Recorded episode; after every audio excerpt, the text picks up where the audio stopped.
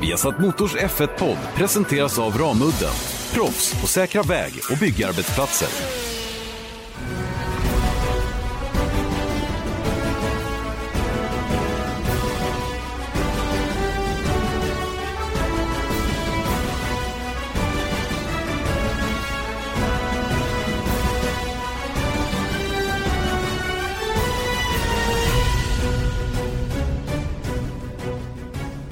Ja mina vänner, då är det dags för en ny Formel 1-podd igen. Den eh, första när sommaruppehållet nu väl har startat. Vi har satt Motors Formel 1-podd, Janne Blomqvist, Erik Stenborg och eh, vi ska självklart prata lite grann om det här med sommaruppehåll. Vad innebär det egentligen?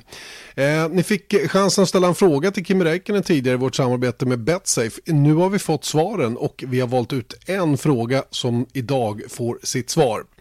Eh, vi har en massa överraskningar och besvikelser givetvis att dela med oss av efter det senaste racet i Ungern och Ungerns Grand Prix och avslutningsvis har vi vår egen 2020, nämligen Dieter Renken med senaste nytt och det är bland annat kring en kalender som ser ut att bli rekordlång nästa år eh, och lite annat smått och gott. Så att det, det finns mycket att prata om idag också Erik. Mm. Och eh, Dieter Renken uttalar 2020 2020. 2020. Ja, men han har skön, att, skön dialekt tycker jag. Mm, det har han. Han är från Sydafrika. Det är han, alldeles korrekt. Men uh, numera boendes i Belgien. Mm. Uh, hur, hur, ser det ut i Lagga nu under sommaruppehållet? Har ni stängt igen bubbelpoolen och, och din grill och sånt? Nej men det är ju precis tvärtom. Allt det där öppnar ju när sommaruppehållet börjar såklart. när man nu får tid att spendera lite tid hemma så öppnar allt sånt alla dagar i veckan. Grillen går mm. het hela tiden. Det är bra det. Ja. Jag håller på att flytta, Janne. Ja, du gör det. Du, har ju du drar ju verkligen på dig en massa elände hela tiden. Mm. För det är eländigt. Flytta, det är bland det värsta jag vet. Usch. Har du någonsin flyttat? Det känns som du har bott på samma ställe i hundra år. Nej, ah, men jag är ju gammal Erik. Jag är ju 52 år. Det är klart att jag har hunnit flytta en hel del gånger i mitt liv. Sen har jag de senaste 10 åren, 11 åren faktiskt bott på ett och samma ställe. Men ibland måste man ju flytta åt andra och, och man får ofta frågan om man kan hjälpa till. Jag är inte jätteförtjust i just att säga ja då. Mm, nej, men du, apropå tisdag nästa vecka. I'm in Spain. Okej, okay. ja, men då så. Men du, låt oss försöka oss på en, en segway in i sommaruppehållet för fabrikerna då. För ja. det är tvärtom från din grill så stänger de. Fast ja. det gör de faktiskt inte. Nej, du, du, har ju kollat upp det där lite noggrannare. Eh, sommaruppehållet togs ju för det första fram då för att eh, vila personalen eh, att tvinga teamen att vila personal. För i Formel 1 måste man tvinga teamen till allting om man ska få någonting gjort så att säga. Det måste nästan finnas i reglerna. För annars eh, skenar det åt alla håll och kanter med allting. Och det var precis det eh, som var ambitionen då när man införde det här med sommaruppehåll. Att två veckor, eh, då måste all verksamhet operativ verksamhet runt bilarna stänga ner helt och hållet. Men det, det, precis som du säger, en del får ju faktiskt fortsätta.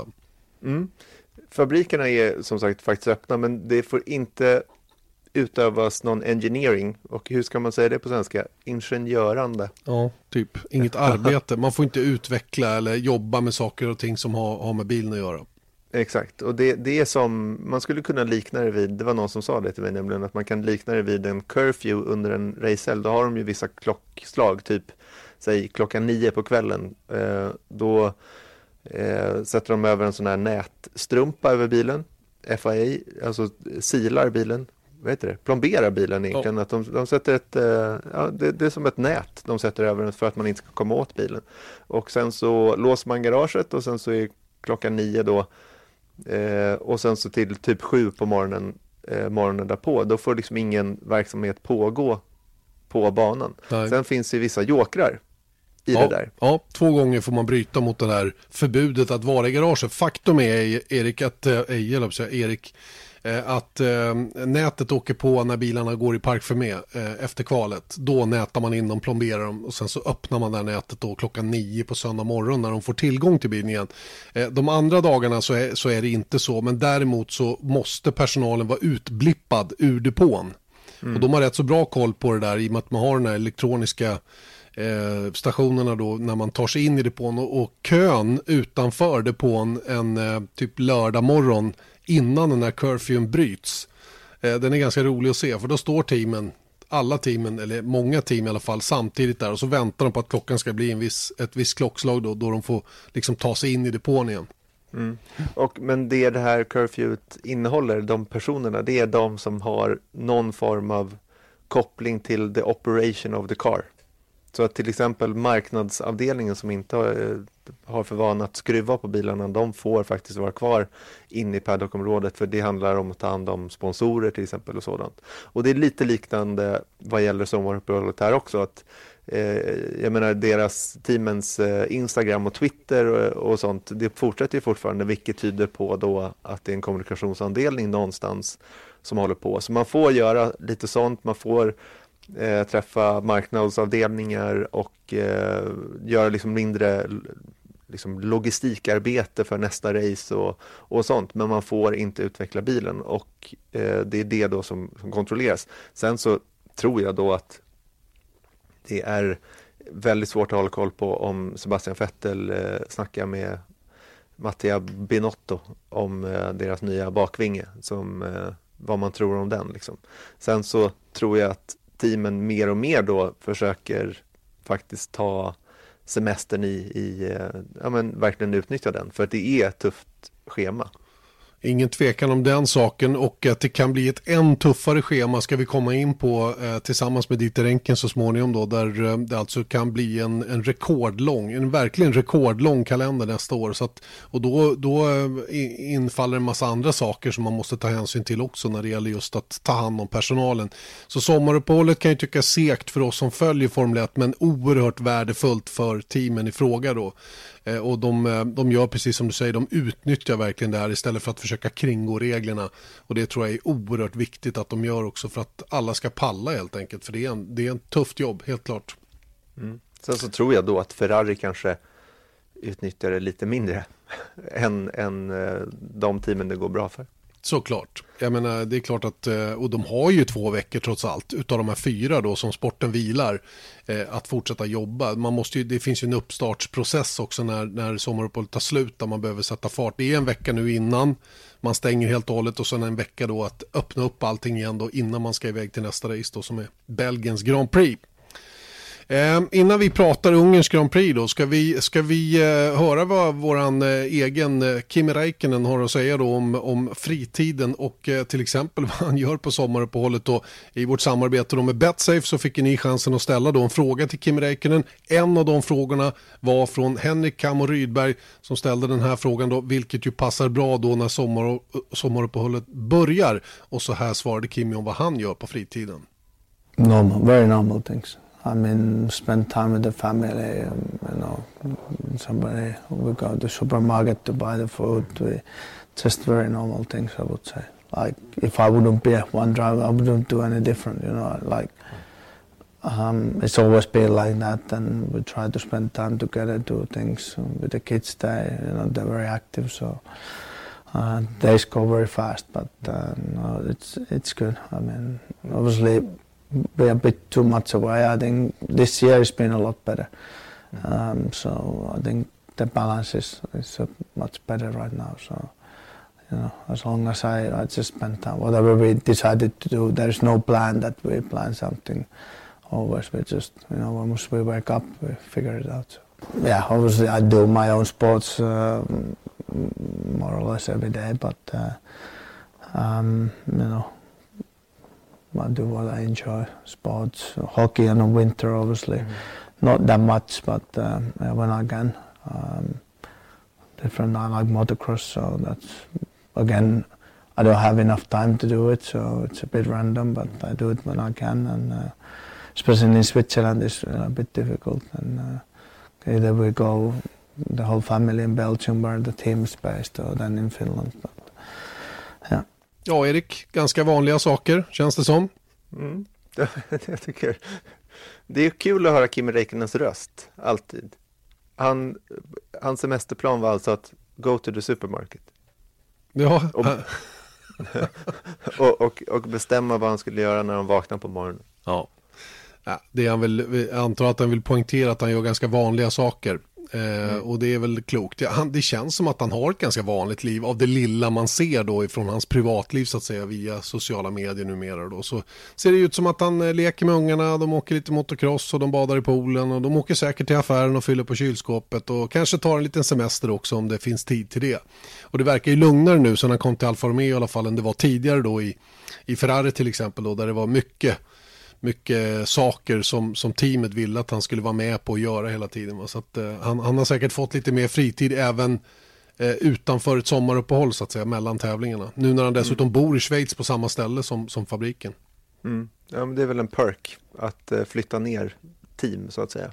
Men som tack för eh, att du ställde den här frågan Henrik så kommer du få en Alfa Romeo-keps hem i brevlådan och vi kommer att ta kontakt med dig via Facebook. Eh, så du får skicka adresser och, och lite andra uppgifter till oss där. Men vi återkommer om den. Ska Just vi gå på lite ungerska överraskningar och besvikelser? Ja, kan vi inte prata lite grann ungersk Grand Prix i generellt till att börja med? Där, um, det blev en ganska intressant helg igen nu då när, um, uh, när det visade sig att vädret spelade teamen och förarna ett spratt igen. Det var en väldigt så här, ostadig fredag.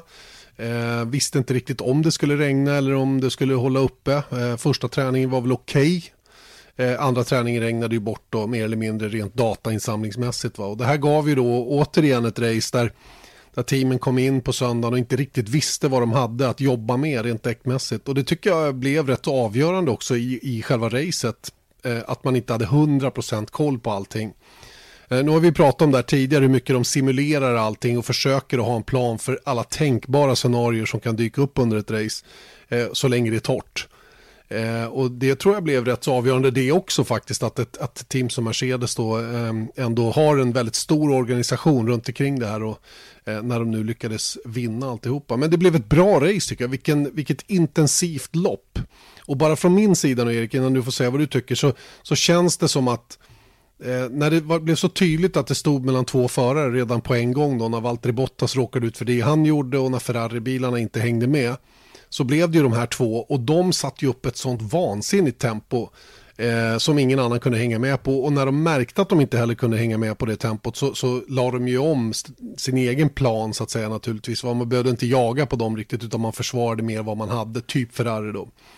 Eh, men, men där framme fanns det ju ingenting att spara på. Eh, både Verstappen och Lewis Hamilton jagade ju livet ur varandra i princip då och eh, det blev verkligen ett mind game fram till första depåstoppet. Vem skulle komma in först och vem skulle göra det efter och så vidare och hur skulle man hantera det. Det slutade ju med att eh, Verstappen gick in först. Eh, Lewis Hamilton skaffade sig några extra varv Eh, på, på mediumgummiblandningen då som, som när han väl kom ut på nästa setdäck då som var de hårda så satte han ju upp ett galet tempo på en gång då och gjorde verkligen en seriös attack att gå förbi. Eh, som dock inte lyckades och det var i det här läget som, som, eh, som det blev intressant på riktigt. Hur skulle Mercedes nu göra? Och det tog några varv innan de kom fram till att eh, de skulle göra som de gjorde. Mm. Och då kom vi till den första överraskningen ändå. Så nu, det, hela det här programmet kommer att vara en enda lång segway nu. Så nu, nu blev det väldigt bra ingång. För den första överraskningen har jag satt som James Vowles, alltså Mercedes chefstrateg. För att det som hände, som du säger då, är att då hade ju eh, Hamilton gör sitt försök, har fritt bakom, kan gå i depå och de känner väl så här att vi har ingenting att förlora på att, att gå in. Och vi kan inte ta oss förbi på banan som det ser ut nu när båda sitter på hårda däck. Och då går vi in och tar medium istället och försöker jaga oss ifatt. Och det var ju faktiskt någonting, när det skedde, så var det lite så här, äh, i varje fall på kommentatorsplats, och hos mig som tittade var lite så här, oj, 20 sekunder, ska han ta, ta in 20 sekunder? Mm. Det kändes ju inte helt hundra. Nej, det gjorde det inte, men, men det, som, det som eh, blev intressant var ju också den radiotrafiken då till Lewis Hamilton där, där Merca var i det här läget ganska säkra på att den hårda gummiblandningen skulle vara på marginalen med gummit kvar i däcket inför de avslutande 3, 4, 5 varven.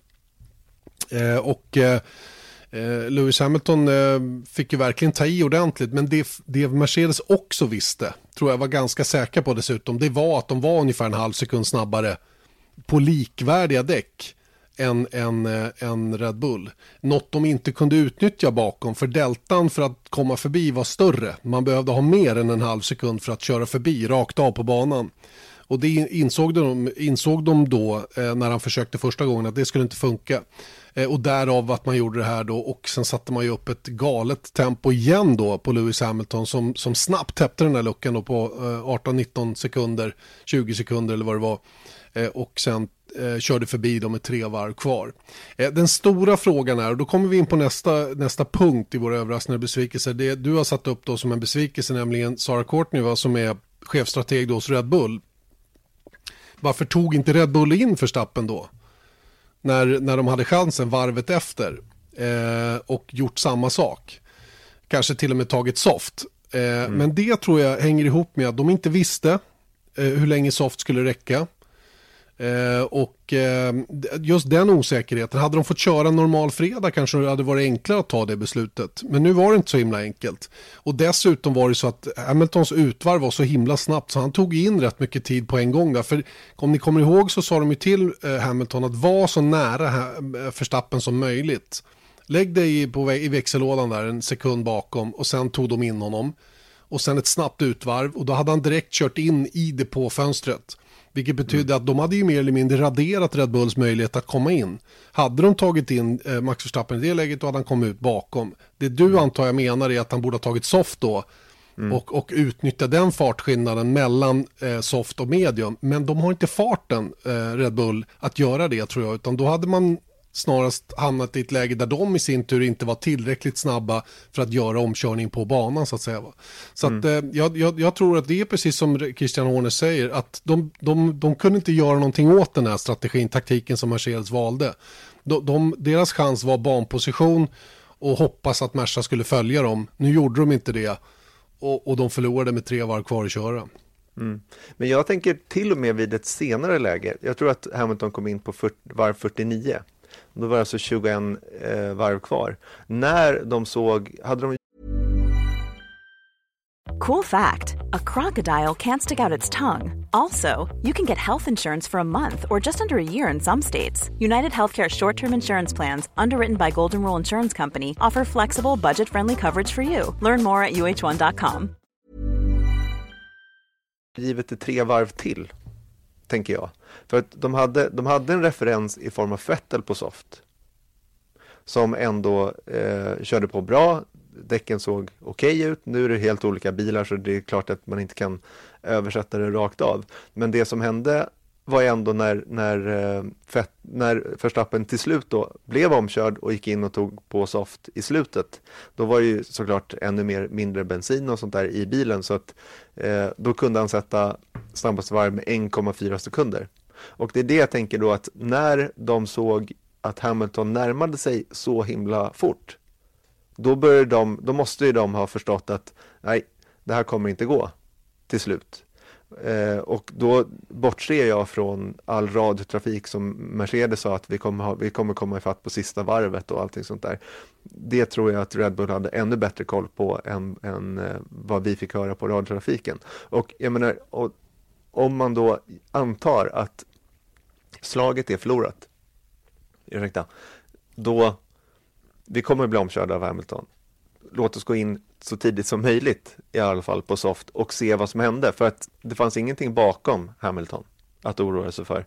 Och då tänker jag liksom sätt hårt mot hårt i alla fall och se var det landar. Mm, men jag, jag, jag eh, vidhåller att deras beslut att behålla banposition var ändå det rätta, att chansa på det.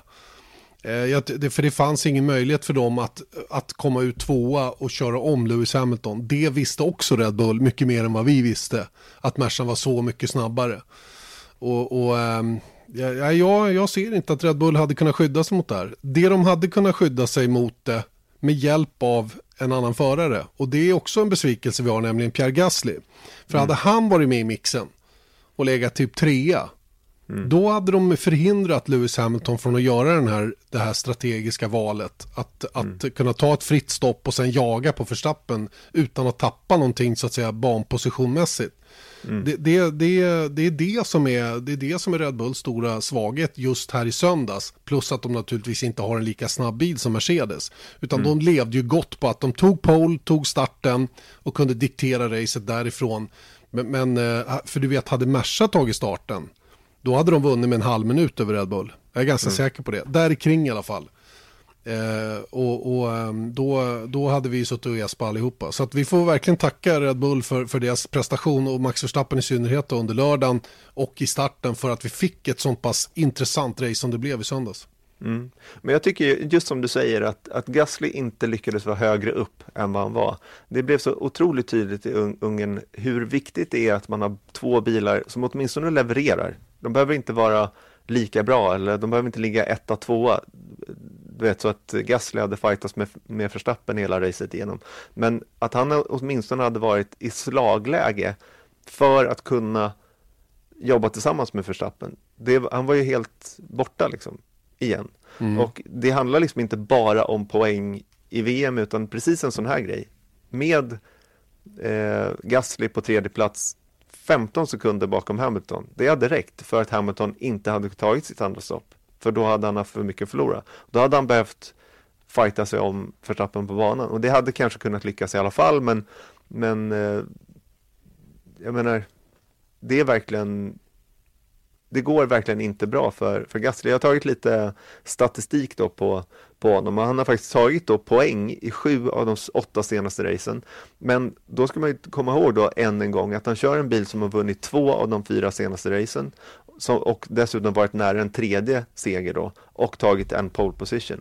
Gasly har över säsongen då eh, en fjärde plats som bästa resultat. Och det då utmynnar i att han har en tredjedel av Verstappens poäng i VM. Och skulle man stryka Verstappens fem pallplatser som han tagit i år, skulle Verstappen ändå vara före Gasly i VM. Mm. Eh, det finns någon annan här som har räknat lite grann på, på, på Gasly. Han har räknat, om man bortser från eh, första varv och säkerhetsbil och sådana säger så ligger han ungefär 1,1 procent långsammare då än Verstappen på racefart. Eh, och, och, det är mer än dubbelt än vad som skiljer i, i kvalfart så att säga. Och självklart är det här mycket, eh, har, hänger ihop med trafik då, att han startar längre ner och får anpassa farten efter det. Men han har också svårt att konsekvent vara snabbare. Eh, Förstappen har ungefär 0,25 sekunder, alltså 25 hundradelars diff mellan respektive varv så att säga då. Gasly ligger på 36 hundradelar. Och det, och det är lite sådana här grejer också som spelar roll. Va? I, I, en perfekt värld där Gasly får åka själv på banan och så vidare, då är kanske efter ett tag kanske han skulle kunna komma upp i, i den fart som, som Verstappen har. Men det, det tydliga är ju att han inte orkar att vara där eh, under de viktiga varven, typ kvalvarv, skaffa sig ett bättre läge i racen då på det sättet kan vara med i mixen när, när han behövs så att säga. Va? Och det är ju det här som gör att jag nu tror att Pierre Gasly sitter väldigt risigt till oavsett vad Red Bull har kommunicerat ut tidigare. Eh, och jag tror inte att han kör eh, efter sommaruppehållet, inte i Red Bull i vilket fall som helst. Det, det är min gissning, min magkänsla just nu då. Eh, och, och, jag tror ju att Kviat ligger bäst till för att flyttas upp. Jag vet att det även pratas Fernando Alonso att han skulle vara tillgänglig och att han har pratat med Red Bull om att han är tillgänglig och så vidare.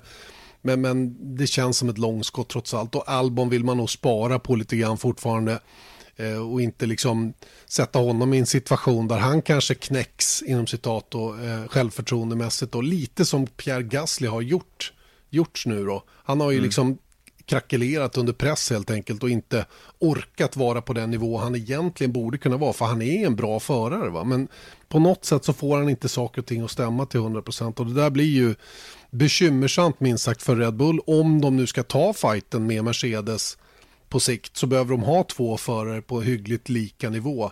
Mm. Eh, han, behöver inte vara, han behöver inte vara snabbare än Max Verstappen än den andra föraren va? men han måste vara betydligt närmare än vad Gasly är. Mm.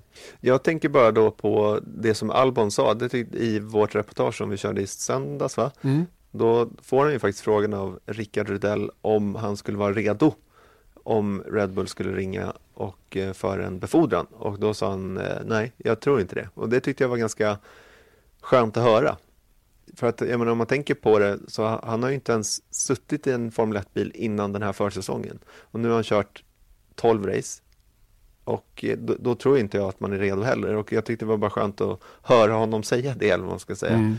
Eh, sen skulle han såklart tacka ja om man fick frågan ändå. Men eh, jag tror, som du säger, att Kviat är väl närmast till hans. Det, det som talar emot honom är ju att han faktiskt har fått ett försök i, i, eh, i eh, Red Bull tidigare. Men, eh. men visst skulle han klara av att köra en, en andra halva av säsongen Kviat. Sen vet man inte vad som händer efter det så att säga. Va? Men, men om, de nu, om de nu ska göra några förändringar mm utav det som finns tillgängligt på pappret så känns det som att Kviatti är, är den bäst lämpade för jobbet så att säga. Han har ju trots allt varit i Red Bull och hela den biten. Va? Mm. Bilen verkar ju vara lite halvknepig att komma överens med helt klart. Va? Och den är ju uppenbart anpassad efter Max Verstappens eh, önskemål och behov på ett sätt som kanske är tydligare där än i, i många andra team. Då. Ja, men man kanske skulle kunna gissa att det är lite likt som när Vettel och Webber körde ihop i Red Bull. Då var ju de väldigt dominanta alltså, som, som team betraktat då, men det var ju uppenbart att eh, Vettel var liksom överens med hur man skulle köra den där bilen på, på ja, i ett större avseende än, än Webber i alla fall. Mm. Ja, det blir Men Alonso då, för kan vi inte bara säga det? det skulle, jag, jag tror inte att det är speciellt sannolikt, men rent marketingmässigt så hade det varit sjukt kul tycker jag, om Själv. de hade skickat in honom. Men det man bortser ifrån då, vad har de för motor? Mm.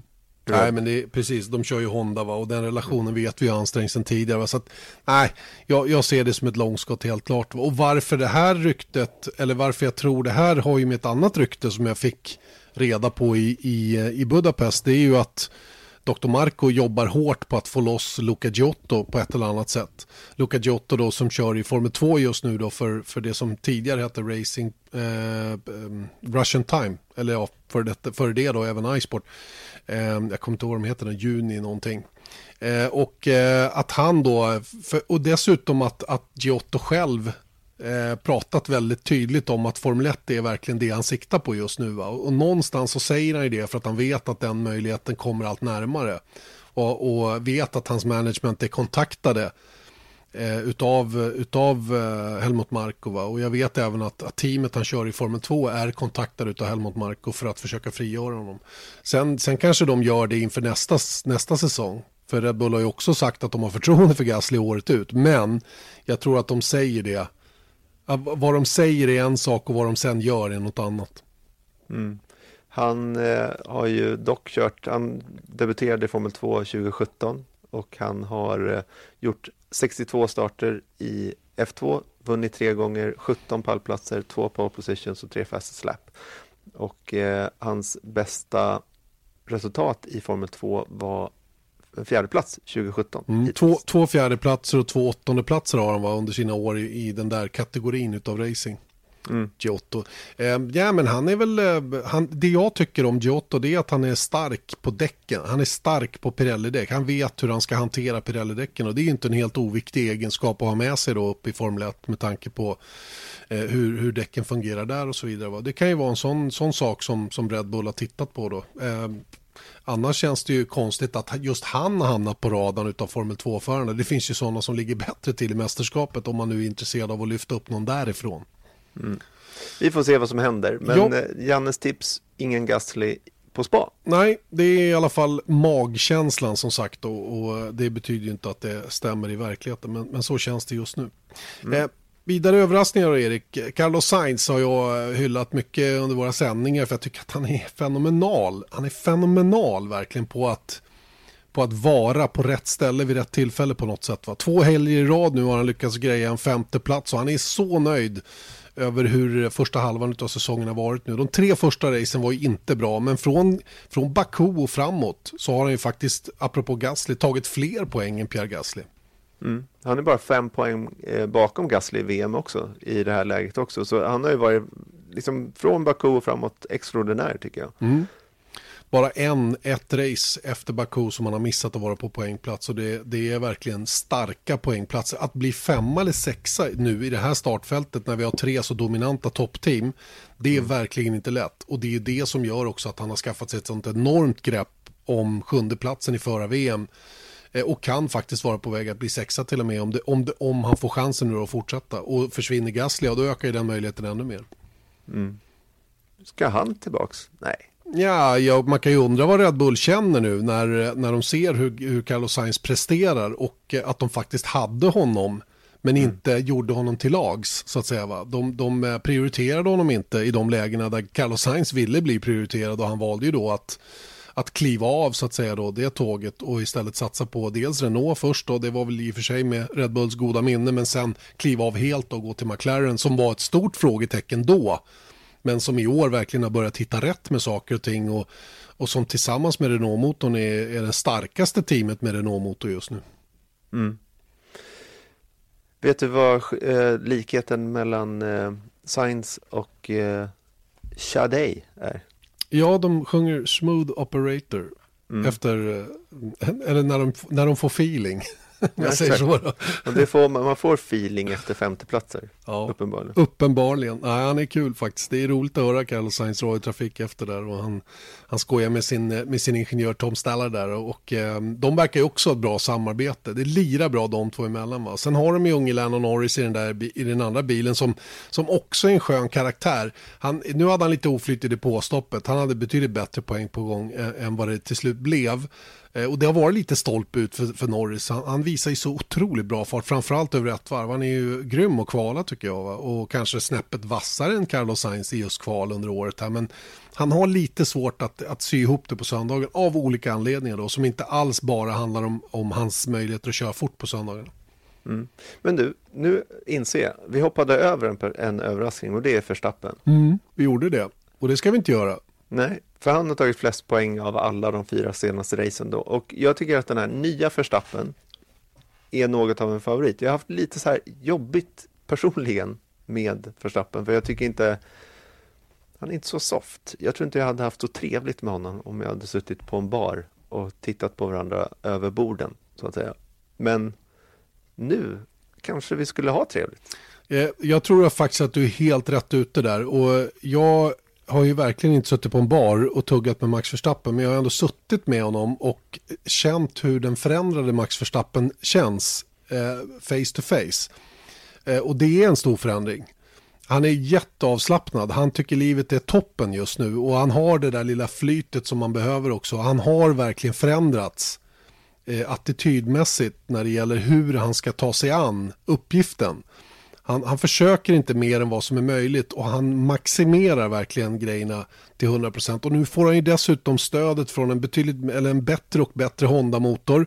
Eh, mm, eh, Red Bull gjorde en avgörande förändring på framvingen här till, till Österrikes Grand Prix och den har ju verkligen slagit väl ut där de har lyckats fin förfina så att säga luftflödena då, får mer downforce så att säga va? och hänger ju med Merca även i långsamma kurvor just nu vilket Mercedes har varit otroligt eh, starka i tidigare då. Det syntes ju om inte annat nu i helgen här i, i, i Budapest där de var snabbare över ett varv till och med. Va? Så att, eh, det saknas några procent fortfarande för Red Bull Honda men, men Verstappen är där nu och nosar på riktigt och jag håller verkligen med om att den nya Verstappen är verkligen något av en favorit. Han är mycket behagligare som person också, mycket mer likable än han var tidigare där han var rätt obstinat och lite stöddig och hade lite dåligt, dålig självkänsla tror jag han hade. Nu är han mer trygg i vad han är och vad han gör och han behöver inte bevisa något längre. Alla vet hur bra han är. I början var det lite panik att verkligen vara den supertalang som alla sa att han var. Mm.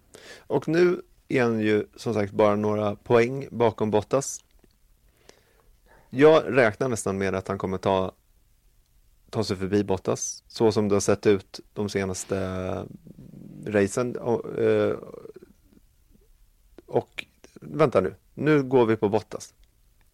För här har vi lite rolig statistik på honom.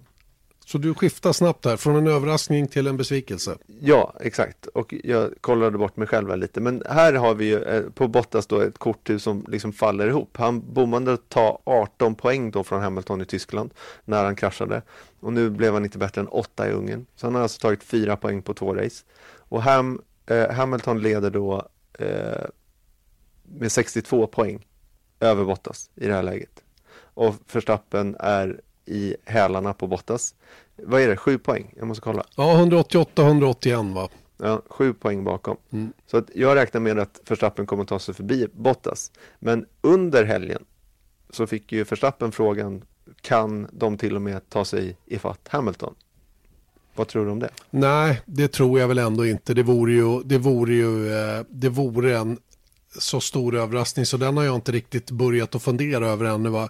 Det vore ju fantastiskt kul om de kunde sätta press på, på Lewis Hamilton eh, för resten av säsongen. Och sätta press kanske de kan göra, men jag tror inte de kommer att liksom jag tror inte de kör i kapp de här dryga 60 poängen som man är efter. Eh, de kan plocka poäng, det kommer de kunna göra och det har han ju gjort här på slutet faktiskt jämfört med Lewis Hamilton. Men, men att köra ikapp det de är efter, det, det tror jag inte blir möjligt. Utan, och det är ju som Verstappen själv säger, att det är, det är stort om jag lyckas bli tvåa i VM. Det är stort för hans del sett till förutsättningarna och, och hur motståndet ser ut. Va? Så att, eh, det är nog det de siktar in sig på i första hand. Och, och behöver som sagt få fart på den andra bilen då för att även kunna börja matcha Ferrari i kampen om, eh, om andra platsen i konstruktörs-VM.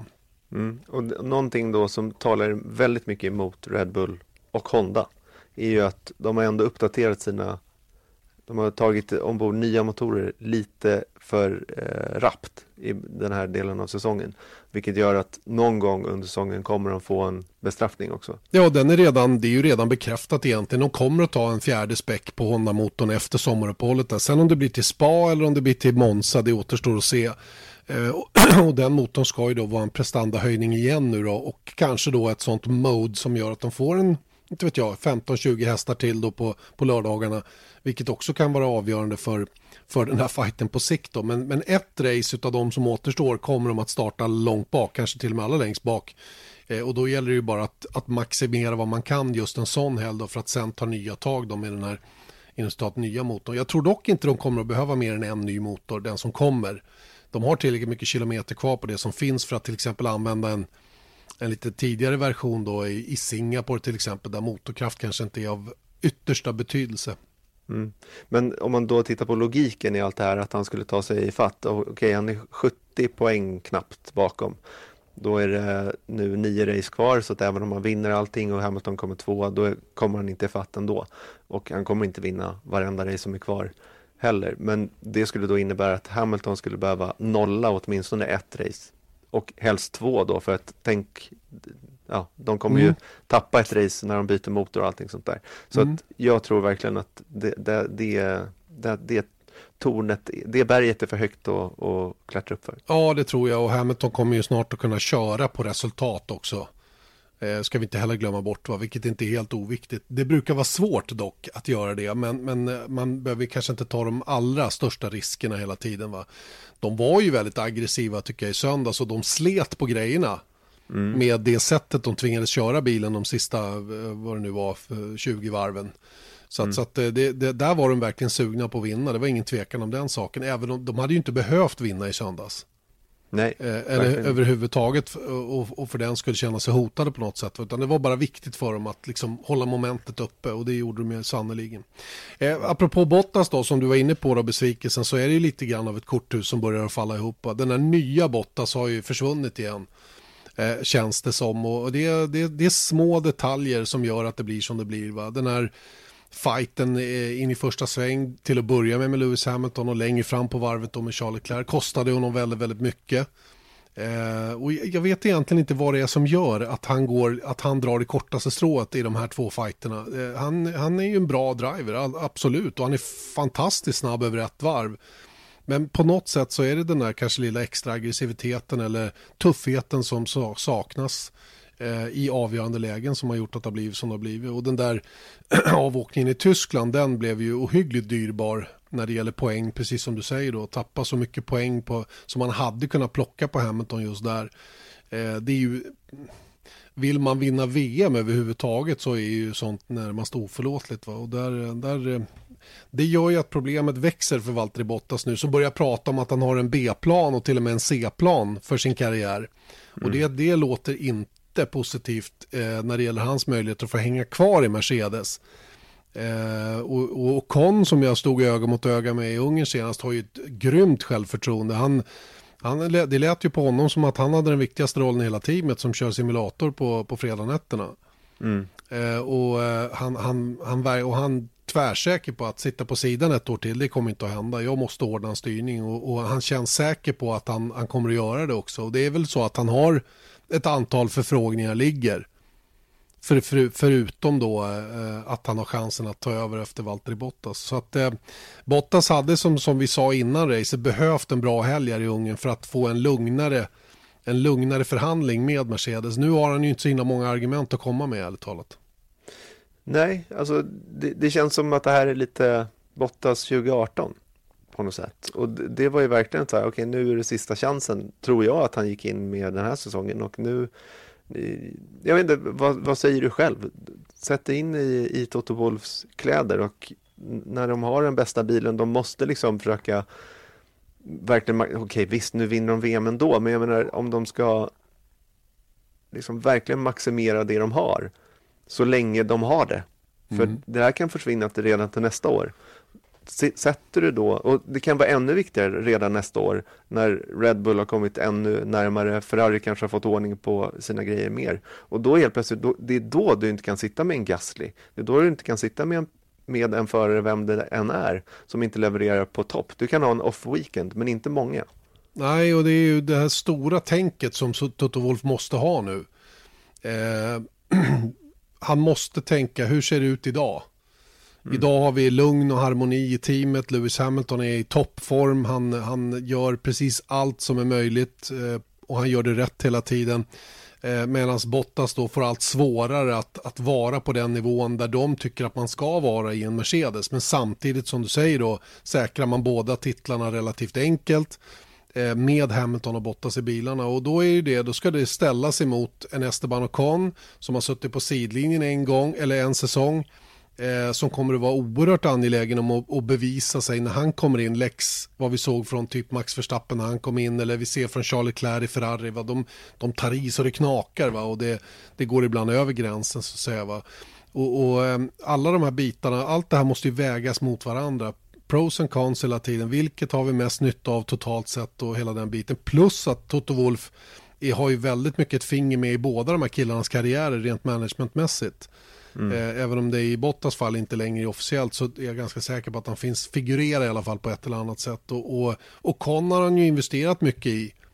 Och när ska han börja liksom casha in den investeringen? Det kanske är 20, 2020 som det kommer att hända. Va? Och, mm. och ähm, släppa Ocon till någon annan om det visar sig att han är en alldeles briljant förare när han väl kommer tillbaka in nu och, och hamnar i, i hyfsat material. Då, då kanske det svider ännu mer för, för en sån som Toto Wolff. Så att jag är inte avundsjuk på hans situation, även om det delvis är ett, ett eh, vad ska jag kalla det, ett, eh, ett, ett lyxproblem att ha två förare av den kalibern och, och välja mellan. Men det är fortfarande ett viktigt beslut att ta. Eh, som, som kan bli väldigt avgörande för en sån som Bottas. Vad skulle han ta vägen? Vad är hans B-plan? Mm. Är det att hoppa tillbaka till Williams som de har bra connections med såklart då, som, som motorleverantör? Eller är det Racing Point som öppnar upp en position om, om, om det skulle vara så? Samtidigt sitter ju Stroll där troligen säkert och Perez säger att han är bara dagar ifrån att signa på för Racing Point. Så jag undrar vad är, vad, är, vad, är liksom, vad är Bottas alternativ? Vad är hans B-plan som man pratar om till att börja med? Om det nu är så att Merca säger nej. Mm. Ja, men, och det är det där som är lite, om man har lite, jag gissar i alla fall att han har väldigt många av sina ägg i samma korg och då menar jag eh, Toto Wolfs och Mercedes-korgen. Då kanske det ser lite kärvt ut mm. i övrigt. Eh, någon annan än Ocon i alla fall som utmanar till Bottas, det finns ju inte enligt, enligt eh, Wolf själv då. Han säger att det står mellan Ocon och Bottas, det är de två jag väljer mellan. Någon annan är inte aktuell, till exempel George Russell då som man tycker är för tidig att plocka upp. Han vill eh, vårda honom, grooma honom ett år till tror jag i Williams innan han är innan han skulle vara beredd att ta steget upp. Och, och, här avvaktar man ju naturligtvis vad som händer med, med Lewis Hamilton i hans kontraktsförlängning eller förhandlingar framöver. Mm. Eh, till, till, till 21 och så vidare. Va? Så att, eh, och det är ingen brådska för Russell. Han sitter ganska bra till där han är just nu och han är ju fantastiskt dominant internt i teamet. Och han gjorde ju nu då en helg en briljant helg skulle man kunna säga där han på något sätt tror jag och han är ju då en överraskning, eller hur?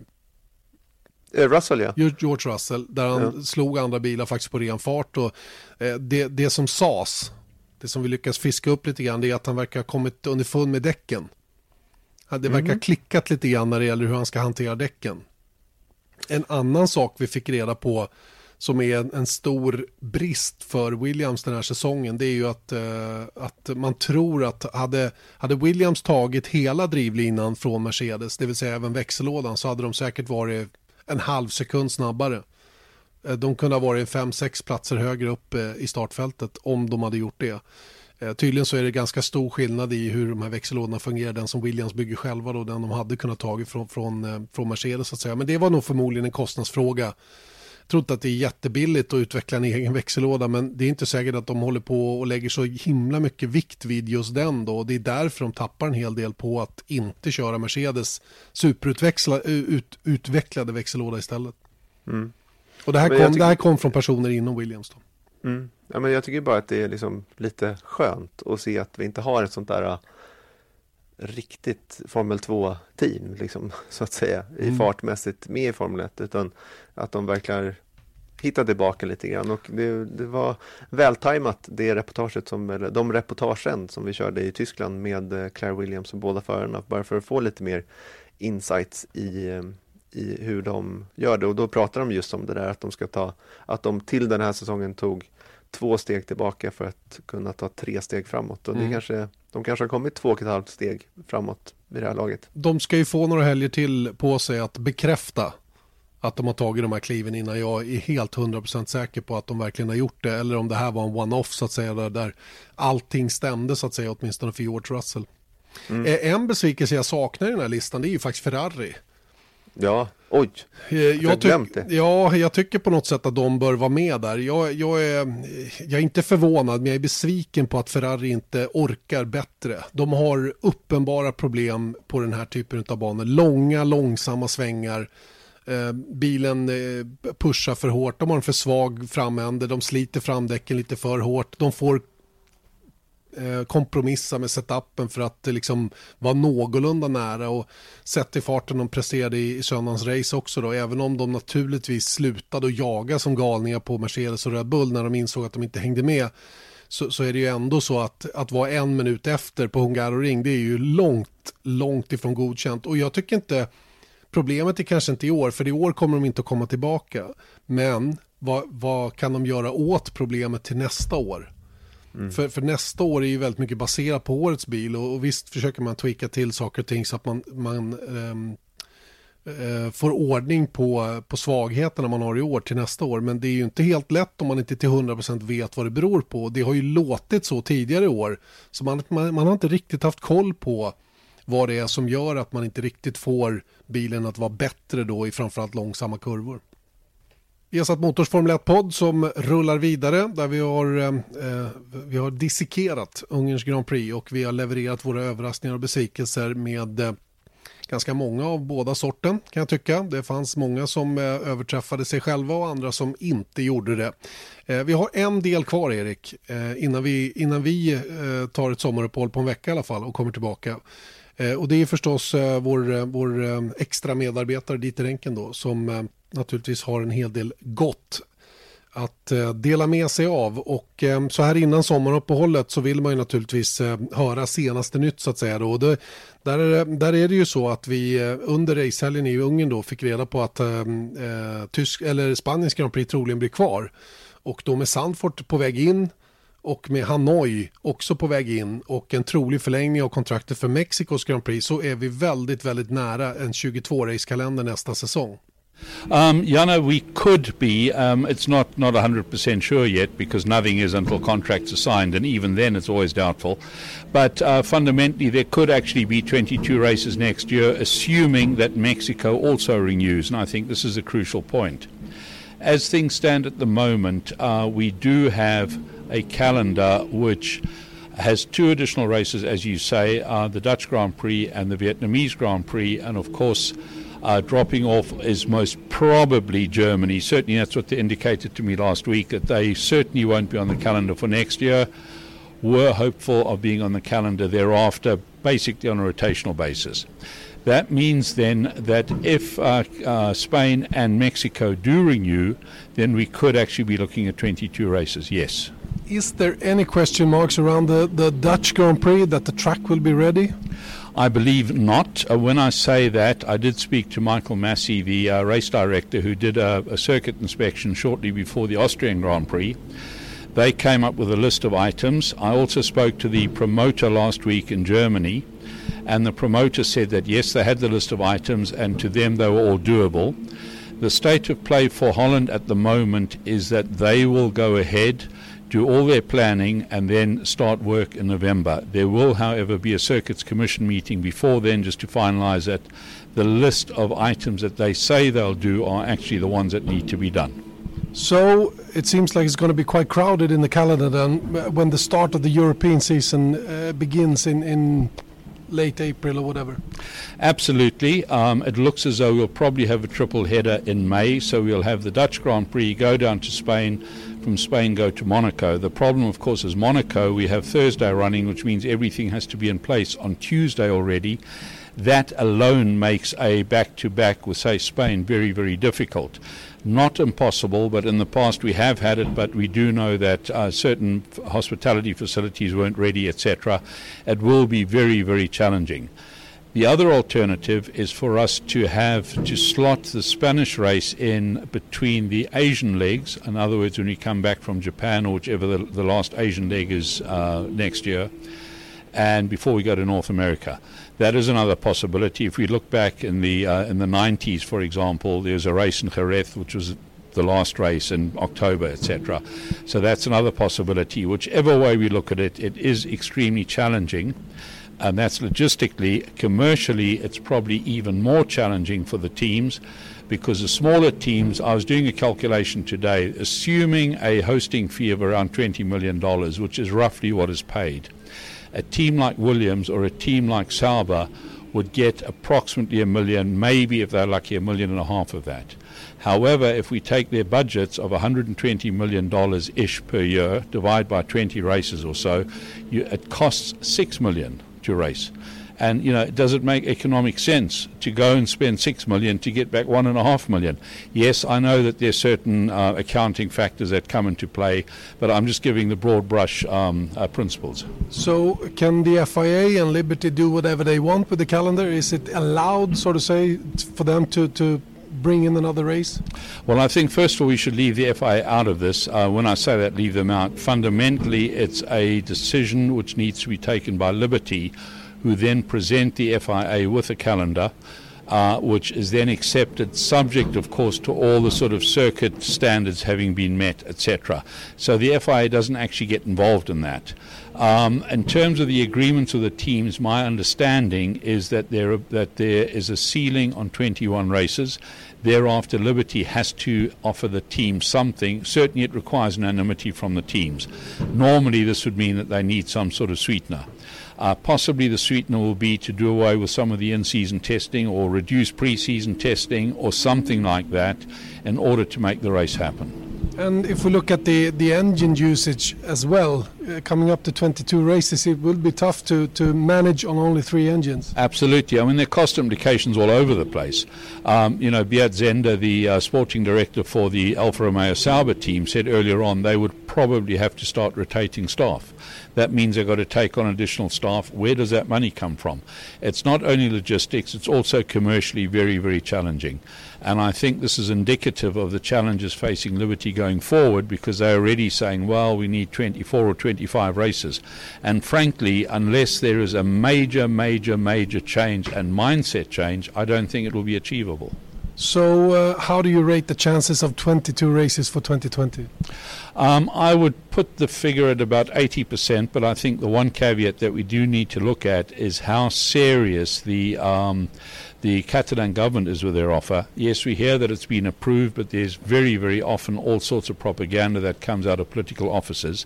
Uh, one of the readings that I've heard on this entire situation is that what the Catalans are doing is they are now trying to politically blame Liberty, saying it's not our fault that there's no Grand Prix. We've made the money available. Let's see whether the money actually materializes, whether a contract is signed, whether all the teams agree to it, and whether it can be slotted into the calendar. Enough about the calendar then. Uh, going into to the progress of everything who needs to be in place for 2021. What, what what's the latest? Well, as we know that the um, the the D date has now been pushed out to the 31st of October. However, one of the worrying aspects is that, for example, one of the things that surfaced in Silverstone two, two and a half weeks ago was that there was suddenly talk about possibly refueling. This, of course, affects all sorts of things. Uh, it affects the weight of the cars, the design of the cars, uh, uh, engine performance, etc. So, again, there seems to be all sorts of uncertainty, and yet here we are, as we stand today, less than three months to, to D Day. Um, on the sporting side, I mean, I was talking to some sporting directors, and they said, well, we know there'll be changes to the weekend format, but we don't know exactly what they'll be. Uh, the teams are also concerned that at some stage, in order to force through some of the um, the regulation changes, that certain concessions will have to be made. And you know, Claire Williams has said uh, already that she's worried that what was agreed in June in terms of say the budget caps could be diluted by the time we get to October, and that is a concern. So um, a lot of things to clear out and, and to, to take care of before this date, the, the, the last of, of October. Um, is there any fear that uh, that they won't be ready? Uh, there are, uh, when I say there are fears, I think fears is too strong a term, but there are concerns that they won't be ready. Um, and I think that what we mustn't forget is that we had a similar situation in 2012, 2013. Everything was supposed to be ready for a changeover end of 2012, commercially, regulation, strategy group, and engines, for example, to the hybrid engines.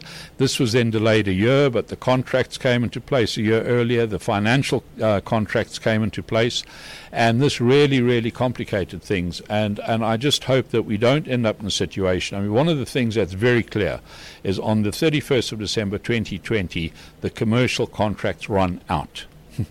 um, regulations could be delayed but the commercial contracts run out. And I sincerely hope we don't end up in a situation where we have new contracts from the 1st of January 21, but we still have the old regulations, the old governance, and the old um, uh, mindset, so to speak. And that is a concern, yes.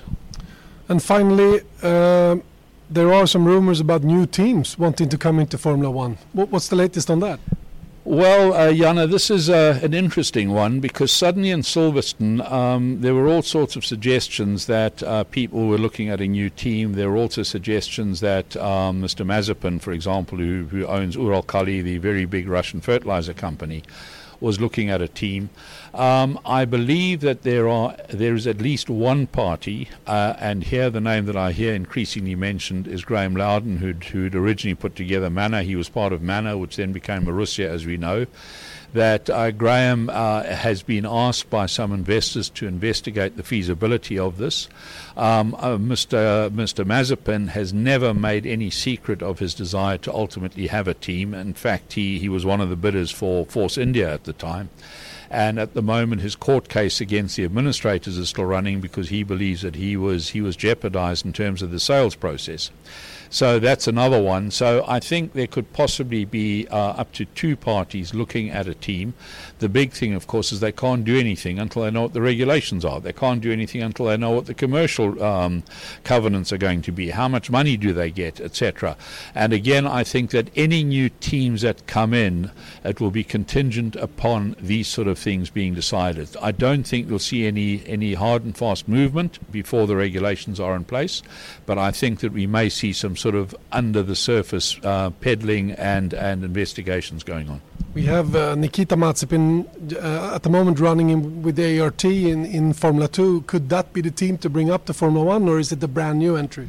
Well, you know, this is a good question. What we mustn't forget is that the way that Formula 1 has changed over the years, and this is one of the tragedies of the evolution of, of motorsport, is that what we used to have back in the, in the days of, say, Eddie Jordan or Peter Sauber or these people, uh, was that they'd start at, at, a, at a lower category. So uh, Eddie Jordan started in Formula Ford, and then it became Formula 3, then it became Formula 3000, and so he worked his way up. But the crucial thing is that the cars they ran were actually cars that they built and, and designed and engineered themselves. It wasn't a spec formula. So when you ran Formula 3, you had a choice of three or four different chassis.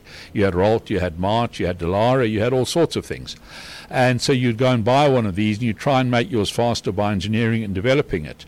And through that, you started developing and building up an infrastructure which then got bigger as you went up the ladder until eventually, when you were ready for Formula One, it was a relatively small step. Today, everything is turnkey because people are starting. If we take ART, which of course is is the team in in uh, Formula Two at the moment, fundamentally they buy the cars, they buy the engines, they buy the gearboxes. Nothing can be changed. It was here a year ago where they changed a spacer, which was deemed to be illegal, and the car started from the back of the grid.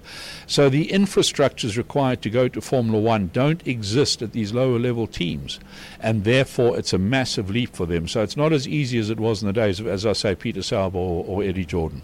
But we still have the example of Haas coming in with a relatively small uh, a small amount of people working with the team and they buy the most they can from it. Wouldn't that be possible for a team like ART? Yeah, uh, first of all, of course it could be, um, but let's not forget that Haas was a turnkey operation. It hadn't come through Formula 3 and Formula 2 and whatever else. You're right, but that assumes that the regulations allow that. And who knows, they may change that regulation. As, as you'll recall, there were all sorts of stewards' inquiries and whatever into the way that Haas went about it. And in fact, uh, some of the activities they did, although they were legal then, have subsequently been, been ruled out. So it won't be as easy for somebody to do what a Haas did. It would be a lot easier than a turnkey operation, absolutely. But I doubt very much whether, whether it would be the turnkey type situation that Haas had, where they went to Ferrari, bought an engine, bought a gearbox. They said to Ferrari, "Can we use your wind tunnel, etc." Let's not forget that it's also contingent upon another team being prepared to do that, and who would do that? Ja, Dieter Enken där som eh, pratar om ett nytt team. Det vore ju spännande. Ja, vilka skulle du vilja komma in i Formel 1? Ja, frågan är, frågan är väl antagligen menad som vil, vilket, vilket team utanför Formel 1 skulle du vilja in i Formel 1? Ja. Och, och jag vet inte om det finns någon egentligen som är redo. Jag tycker att det där är spännande när vi pratade med Mike Hull om att tänka få in ett team från, från eh, från eh, Indycar som känner att okej, det nya Formel 1-reglementet det, det, det känns som doable. Och vi, vi gör en satsning. Och eh, det finns ett par riktigt bra team där borta som, som absolut har, har både resurser och kapacitet och kanske kan göra något av en, en Haas-variant och komma in i Formel 1. Eh, det vore ju naturligtvis spännande. Det som Renken pratar om är ju en, en, ett helt nytt team.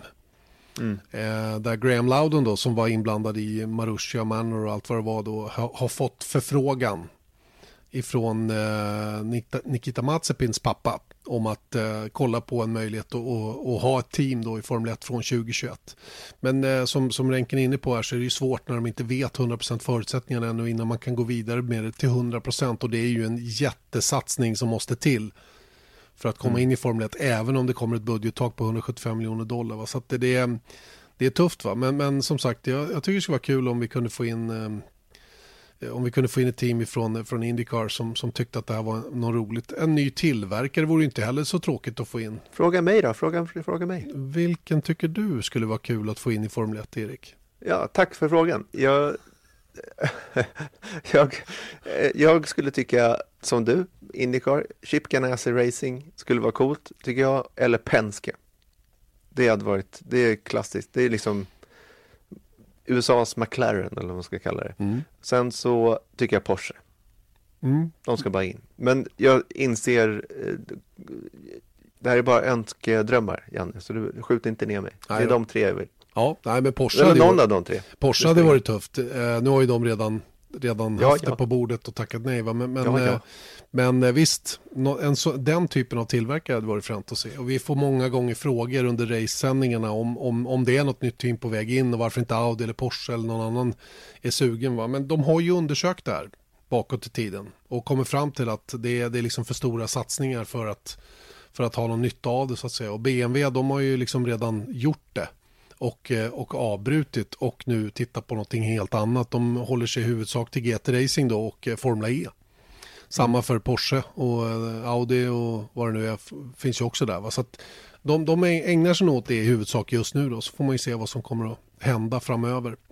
Eh, mer om ditt ränken, eh, kalendern där, 22 race, eh, kan ju få implikationer på många sätt. Eh, Beat Sender som var med på presskonferensen där sa ju att de definitivt måste börja rotera personal om det nu blir 22 race. Den stora nyckelfrågan är också kan man klara sig på tre motorer över 22 race. Eh, och eh, teamen verkar ju vara överens om att en 22 race-kalender går att genomföra. Och, och eh, jag tror att blir en, blir en 22-race lång kalender presenterad för World Motorsport Council då kommer den att bli godkänd, det tror jag. Sen är frågan var Barcelona då, om det nu om de nu skriver på sitt kontrakt, det är inte gjort ännu, även om katalanska regeringen har garanterat pengar för det. Var ska det hamna? Får vi en triple header igen i maj? Mm. Eller tänker de att lägga Barcelona i oktober eh, efter turen till Japan? Det hade varit mm. rätt fränt i och för sig om vi kunde få, få Barcelona eller ja, Spaniens Grand Prix där istället. Eh, jag är inte så speciellt sugen på någon triple header, det är jag inte. Jag tror inte någon är det om jag ska vara riktigt ärlig. Nej, det som talar emot eh, hösten där då för Barcelona är ju såklart att man måste åka väldigt mycket fram och tillbaka. Eh, men jag tror att angående 22 race, att jag tror att det, det är dit vi är på väg oavsett. Eh, 22, 23. Eh, Liberty har velat ha 25 och eh, det kanske dröjer ett, ett bra tag innan vi är hela vägen dit. Men 22 race är nog bara att tugga i sig tror jag. Mm. Och jag tror att 21 eh, i, från, eller ja, i det nya reglementet från 21 framåt så kommer man att börja titta på ett annat format på racehelgerna där de är kort, mm. kortare kort och gott.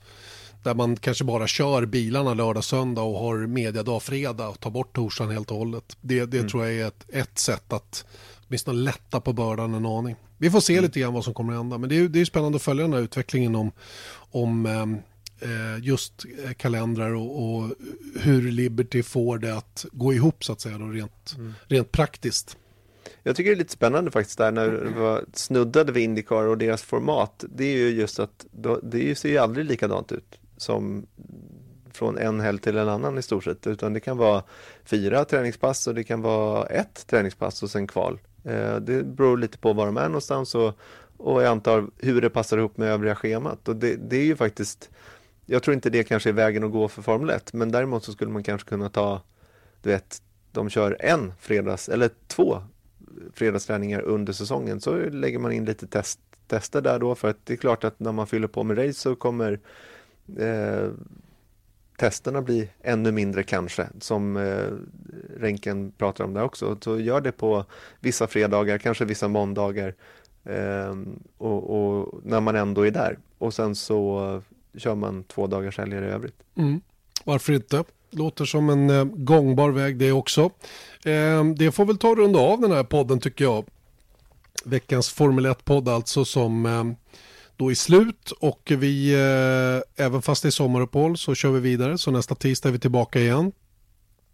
Oförtruten, eh, oförtruten fart mm. och eh, titta framåt. Eh, vi har inte nämnt någonting om den nyhet som kom från Indycar eh, i helgen som var, nämligen att de också kommer att gå för hybridmotorer från 2022. Mm. Ska vi hinna med det också innan vi stänger butiken helt och hållet? Hur, hur ser du på det? Ett, ett form av curse-system, samma som Formel 1 hade från början då? Ja, men jag tycker det, det är väl en fullkomligt rimlig utveckling. Några år för sent nästan kanske, men, men, eh, och jag tycker att de har lite spännande mm, tankar runt det här eh, också. Men det som jag har gjort är att jag har kontaktat en person eh, som vi kanske kan prata med fram tills nästa vecka. Och så kan vi fördjupa oss in i det. Tycker jag är en jättebra idé. Men då har vi i alla fall nämnt det och så får ni vänta en vecka då på lite mer djup analys utav det faktum att det blir hybridmotorer, alltså Indycar från 2022 och eh, hästkraftsuttag på 900 plus hästkrafter stod det ju va, i pressreleasen. Mm. Mm. Så det blir bra. Okej Erik, forts fortsätt med flytten. Det ska jag göra. Gör det. Lycka till med det. Fortsätt grilla. jag lovar. Vi hörs om en okay. vecka. Ha det gott. Ha det bra. Hej då.